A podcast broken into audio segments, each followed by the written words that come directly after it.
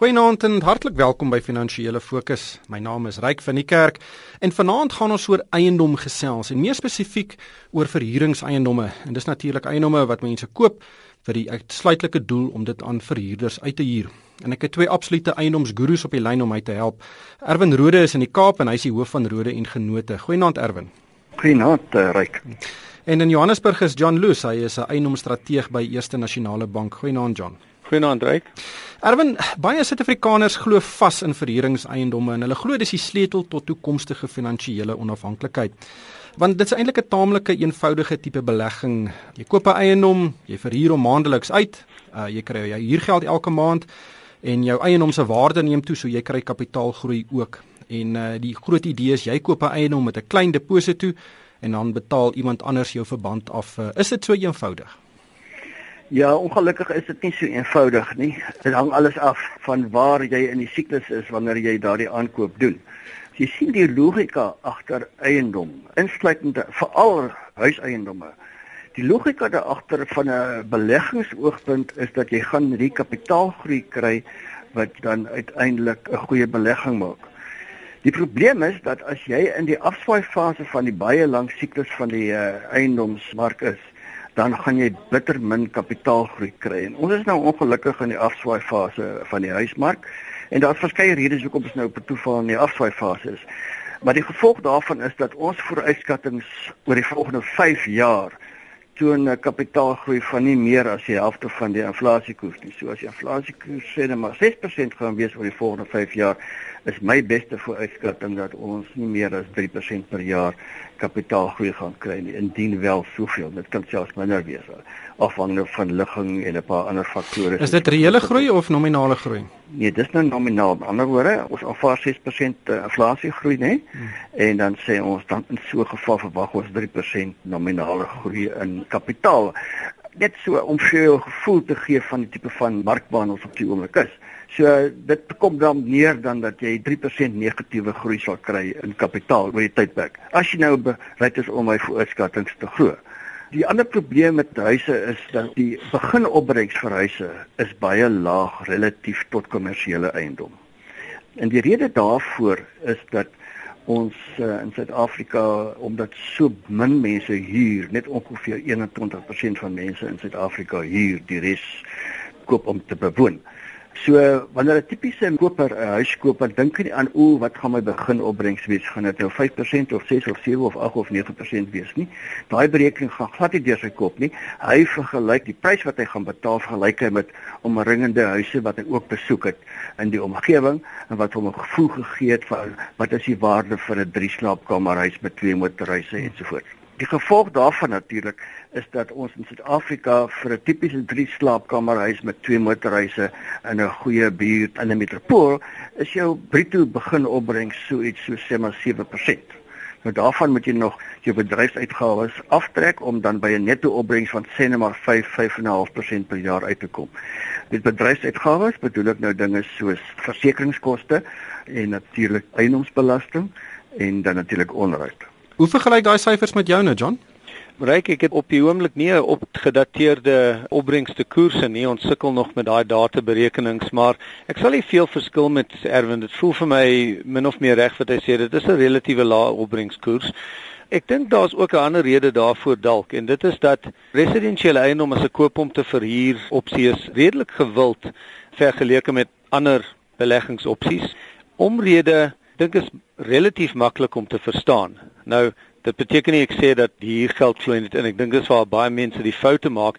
Hulle verstaan nie genoeg nie. Hulle dink is te maklik. Hulle dink hulle kan net die eiendom koop. Jy sit uh, hier erin en en daar kom jy geld. TPN sê 85 persent omtrent van huurders is in sogenaamde good standing met hulle verhuurders. Dit beteken daar's 15% wat nie op datum is nie. So daar's 'n risiko daar en natuurlik hoe die huurders die eiendom behandel is 'n ander risiko wat jy het. So daar is risiko's wat jy moet verstaan en al jou wetlike verpligtinge en regte maar dit is 'n relatiewe maklike bateklas om te verstaan. Almal woon in 'n huis, so ons verstaan of ons dink ons verstaan hoe opereer hy. Baie makliker sê maar as byvoorbeeld om 'n restaurant te koop as 'n belegging en hom te probeer bestuur. So ek dink dit druk miskien opbrengste koerse permanent 'n bietjie laer as sekere ander bates dalk. Maar ja, dit is die realiteit dat soos Erwin sê, baie mense doen nie daai berekeninge nie. Die goeie belegger doen daai berekening van wat is die opbrengste koers en hy kyk na daai inkomste stroom, maar baie minder ervare beleggers, hulle kyk na kapitaalgroei of wat hulle dink kapitaalgroei gaan wees en so daar was baie koop om te verhuur aktiwiteit terug in die bloeitydperk 10 jaar gelede want jou kapitaalgroei was baie hoog geweest en dit is 'n verkeerde benadering want die kapitaalgroei wat ons 10 jaar gelede gehad het, hy gaan mos nooit so aanhou nie. Ja. En dis waar baie mense bietjie swaar kry op die einde. Erwin, kom ons praat gou oor rand en sent en en die goue reëls vir koop en verhuur eiendom. Hoe hoe moet 'n belegger te werk gaan om seker te maak dat die eiendom wat hy koop gaan vir hom 'n bo gemiddelde opbrengs gee? Kyk, die belangrikste ding is natuurlik om jou huiswerk te doen. En in die algemeen moet ek sê dat huiskopers voor hulle huis koop, doen hulle huiswerk. Hulle is 'n stokperdjie by sommige mense om weke lank huise te besoek wat op die mark is en na 'n paar weke van die besoeke kry jy 'n baie goeie gevoel van wat markwaarde is vir 'n huis. So in die algemeen dink ek nie dat dit gebeur te dikwels dat mense te veel betaal vir 'n huis nie, want die mense is geneig om hulle huiswerk te doen. Maar moenie vergeet nie, dis 'n belangrike punt wat ek wil maak en wat ek en Jonathan nou net so gevoel voel het. En dit is dat as jy in die mark is om te koop om te verhuur, die ander bodre suiwer as 'n belegging, die mark daar buite word gemaak.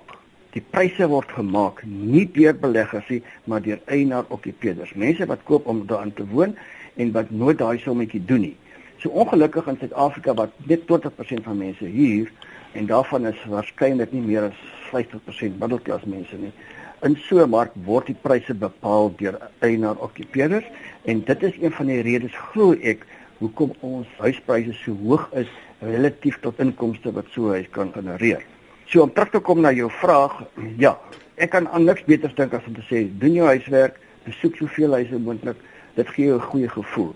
Daar is natuurlik 'n ander opsie en jy kan heelwat geld spandeer om as jy dan finaal op 'n huis besluit het om 'n geregistreerde waardeerder aan te stel om dit vir jou te doen. Maar ek moet jou sê, ek is self 'n waardeerder. Ek dink in die praktyk gaan dit vir jou goedkoper uitwerk as jy liewerster werk deur 'n uh, agent uh, wat die buurt waarin jy wil koop goed ken. So, stap 1 is kies die buurt waarin jy wil woon. Maak 'n studie van daai buurt en maak seker dat jy werk met die agente wat 'n hele paar jaar daai buurt werk. Want as jy dit sê, onthou net agente werk elke dag met huise. So hulle het 'n baie goeie gevoel vir uh, nie alleen die markwaarde van die huis nie, maar ook die inkomste stroom wat daardie huis kan genereer. So dis nie soos enige ander onderneming John wat jy die koopsom eintlik bepaal deur die inkomste stroom nie. Wel ek dink tot 'n sekere mate moet jy wel inkomste gestroom plus die eie verwagte uitgawes en dit raak maar 'n bietjie ingewikkeld as jy moet probeer bereken wat jou jaarlikse of onderhoudskoste gaan wees wat jy moet dra as 'n verhuurder. Baie keer moet jy maar net sorg dat jy genoeg voorsiening gemaak het voor jy, jy kan nie altyd akkuraat voorspel wanneer die dak gaan begin lek of wat ook al die probleem is nie.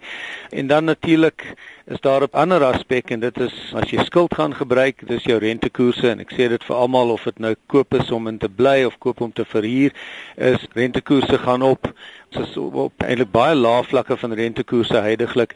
So mense moet maar altyd voorsiening maak vir ek sê gewoonlik vir mense 3 tot 4 persentasiepunte minstens.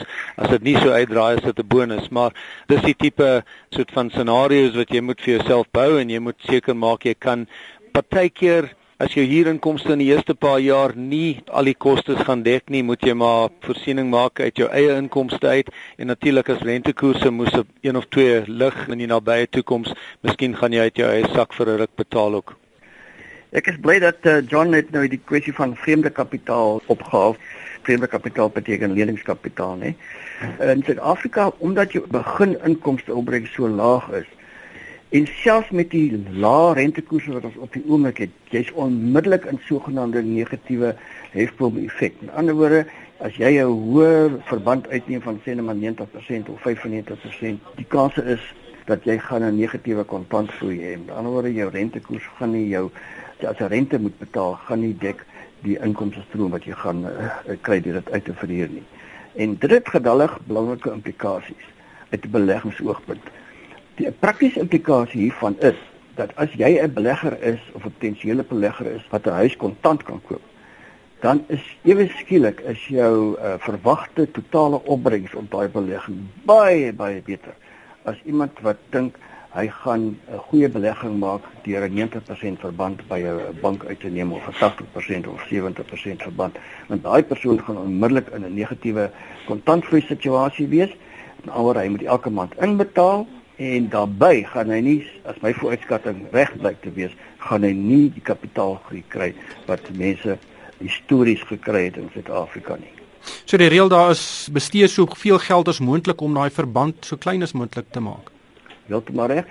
As jy kan kontant koop, dan kompeteer jy met ander beleggingsforme soos byvoorbeeld aandele met beginopbrengste van 2%, 3% daar rond of met die geldmark waar jy 'n beginopbrengs van 5 of maksimum 6% miskien kan kry.